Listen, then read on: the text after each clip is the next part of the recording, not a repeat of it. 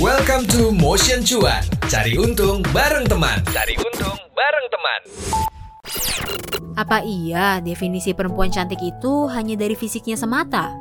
Yuk simak pengalaman para perempuan dalam pertama kali berhijab, penyitas perundungan, hingga pejuang jerawat hanya di podcast Semua Bisa Cantik.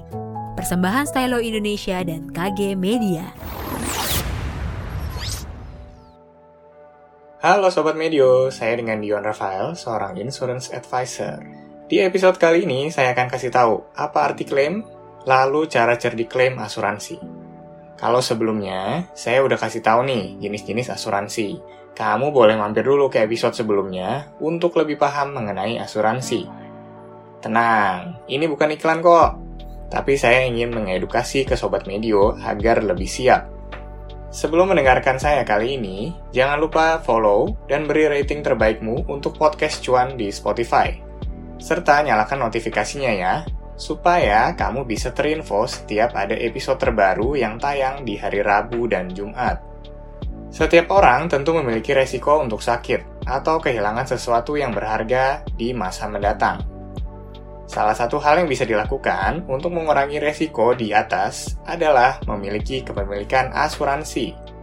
Klaim asuransi bisa membantu penggunanya terlindung dari berbagai resiko yang tidak diinginkan seperti kehilangan harta benda, kebakaran, sampai kecelakaan.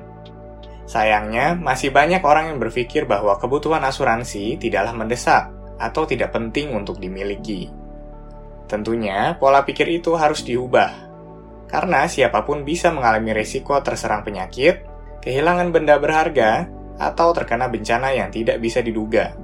Nah, agar kamu lebih jelas memahami tentang asuransi hingga proses klaimnya, saya akan menjelaskan beberapa hal berikut. Kalau ditanya, sebenarnya arti klaim itu apa sih? Nah, kalau dari arti klaim sendiri itu, kita menggunakan hak kita yang sesuai dengan manfaat yang telah kita ambil.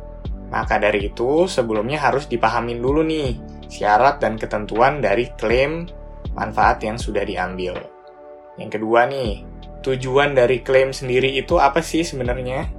Nah, tujuan dari klaim itu simple, adalah mendapatkan manfaat yang sesuai dengan polis asuransi yang telah kita ambil, ya. Jadi, kalau tidak ambil manfaatnya, tidak bisa untuk klaim, ya.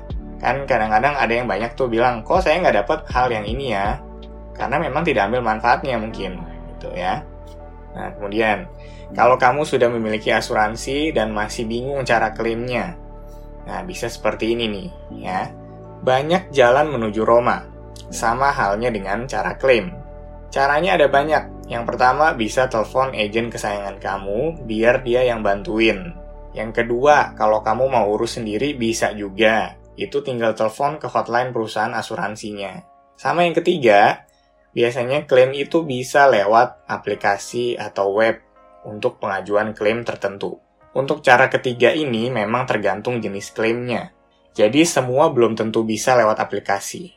Contohnya, kalau klaim asuransi jiwa atau klaim penyakit kritis, nggak bisa lewat aplikasi. Kalau kamu masih bingung, udah pakai cara yang pertama aja, yaitu telepon agent kesayangan kamu biar dia yang jelasin, oh langkahnya seperti ini, satu, dua, dan tiga. Ya, kamu tinggal ikutin dan tinggal kirim dokumen. Kemudian, kalau ditanya, setiap asuransi kan berbeda-beda nih. Apakah ada perbedaan setiap klaim dari asuransi yang dimiliki? Yang namanya klaim itu pasti nggak beda-beda, ataupun tidak jauh berbeda Nah, pasti membutuhkan kelengkapan dokumen tertentu. Yang harus diperhatiin adalah jenis klaimnya klaim apa nih? Ya, apakah klaim asuransi jiwa, kesehatan, penyakit kritis atau kecelakaan? Ya. Kalau kesehatan umumnya sudah ada kartunya dan sifatnya biasanya cashless. Jadi tidak perlu bayar di awal asalkan kalian bawa kartunya. Nah, jadi untuk kalian yang sudah punya asuransi kesehatan, selain kalian bawa KTP, pastiin juga bawa kartu asuransi kesehatan andalan kalian. Simpan aja di dompet. Biasanya dompet nggak mungkin ketinggalan kan. Dompet, HP, ya boleh. Sekarang kan udah ada casing yang bisa taruh kartu ya. Nah, kalau kamu mau klaim langkah-langkahnya seperti apa sih? Nah, yang pertama kalau menurutku adalah hubungin agent kalian ataupun perusahaan asuransinya, ya. Yang kedua, lengkapin dokumen yang diperluin. Kalau kalian mau klaim untuk asuransi kesehatan, cukup menunjukkan kartu ke bagian administrasi di rumah sakit. Ini kondisinya kalian sudah harus masuk rumah sakit ya. Berarti sudah ada di rumah sakit, kalian tinggal tunjukin kartunya, dan kalian akan dapat kamar sesuai dengan plan. Yang ketiga, Selain klaim kesehatan atau klaim rawat inap, biasanya diperlukan pengisian dokumen yang lengkap serta tanda tangan dari nasabahnya dan juga agennya. Ya, ini tergantung dokumennya. Bisa aja cuma perlu tanda tangan kalian ataupun ada juga yang harus sama agennya. Nah, setelah kalian lengkapin, langkah keempat adalah submit semua dokumen yang sudah diisi dengan lengkap. Ya, sekali lagi pastiin nggak ada yang tertinggal karena perusahaan asuransi itu tidak akan memproses sesuatu yang belum lengkap. Ya, jadi nggak bisa kamu hitung dari kamu udah kirimin nih sesuatu, oh misalnya SLA-nya 7 hari kerja, tapi kamu kiriminnya nggak lengkap.